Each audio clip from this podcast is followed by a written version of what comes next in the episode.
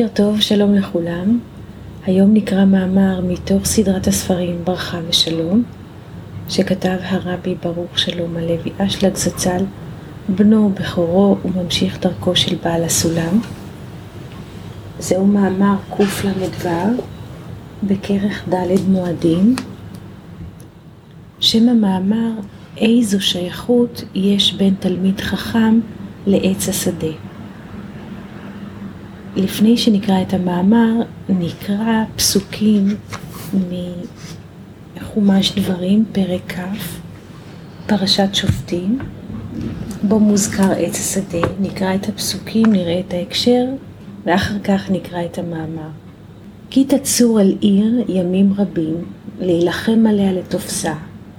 לא תשחית את עצה, לנדוח עליו גרזן, כי ממנו תאכל ואותו לא תכרות. כי האדם עץ השדה לבוא מפניך במצור.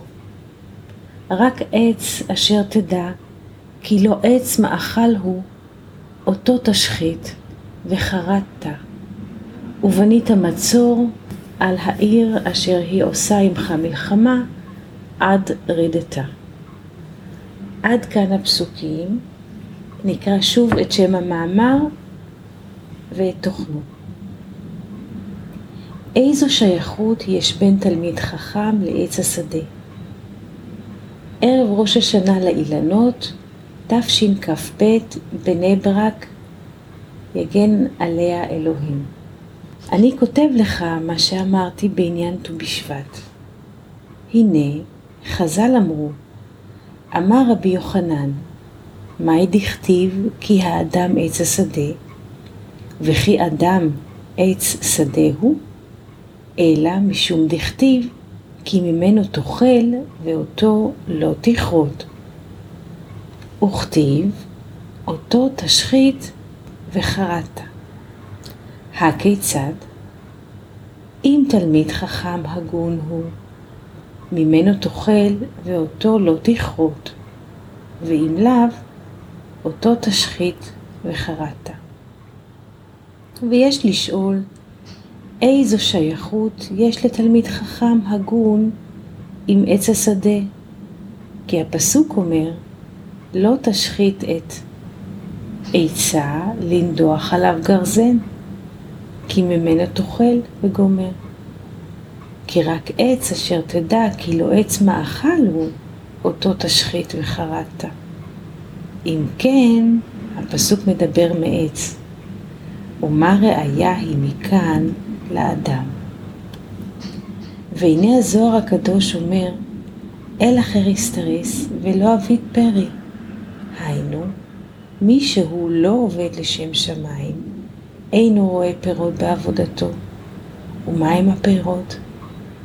הנה במדרש, אלה תולדות נוח, הוא זה שכתוב, פרי צדיק עץ חיים. מהן פירותיו של צדיק? מצוות ומעשים טובים. עד כאן לשונו. והנה, בגמרא, לפני המאמר של רבי יוחנן, מובא שם. דניא רבי בנאה אומר, כל העוסק בתורה לשמה, תורתו נעשית לו סם חיים, שנאמר, עץ חיים היא למחזיקים בה. ואומר, רפאות תהי לשריך ושיקוי לעצמותיך. זהו פסוק ממשלי ג' ח'. וכל העוסק בתורה שלא לשמה, נעשית לו סם המוות, שנאמר, יערוף כמטר לקחי, ואין עריפה אלא הריגה, שנאמר, וערפו שם את העגלה בנחל. ויש לשאול מהי סמיכות העניינים. אלא יש לפרש על דרך המוסר שרבי יוחנן שואל וכי אדם עץ שדה הוא? היינו איזו השתוות יש בין אדם לעץ השדה? מה אנחנו לומדים מזה שהשווה הכתוב אדם לעץ השדה? ולזה מביא ראיה מהפסוק ממנו תאכל ואותו לא תכרות. וגומר. שהכוונה על תלמיד חכם. אם הוא הגון, היינו שלומד לשמה, שעניינו הוא שהוא לומד דברים שיביאו לעשות פירות, פירוש שהלימודים האלו יביאו לו שיהיו לו פירות, היינו מצוות ומעשים טובים, לימוד זה הוא ילמד, משום שעל ידי זה זוכה לסם החיים, וזה פירוש ממנו תאכל ואותו לא תכרות. ואם לאו, אם תראה שהלימודים האלו שהוא לומד לא יביאו לעשות מצוות ומעשים טובים, הנקראים פירות, אז תדע שזה שייך לסטרא אחרא ולא לקדושה. כותב הרבי גוטליב שליטה בהערה רע"ג ויש ללמוד כל זה קודם כל בגוף אחד, היינו, שהאדם צריך לבדוק את המניעים של מעשה התורה והמצוות שלו. אם הוא בגדר תלמיד חכם הגון, היינו שלכל הפחות משתוקק לבטל את עצמו לקדוש ברוך הוא ולהגיע למצב של רצון להשפיע, אז צריך לקיים את התלמיד חכם הזה שאצלו.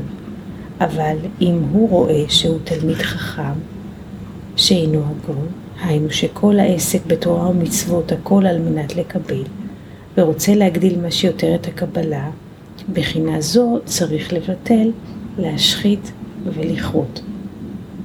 נשוב אל המאמר, ומזה המנהג לאכול פירות בחמישה עשר בשבט, לרמוז שאנחנו הולכים בדרך הקדושה, שיש לנו פירות. כותב הרב כאן בהערה, בכוחה, עיין במאמרים על הש"ס, מסכת תענית, מאמר כי האדם עץ השדה, שמתקשר לעניין ט"ו בשבט. עד כאן להיום, תודה, וט"ו בשבט שמח.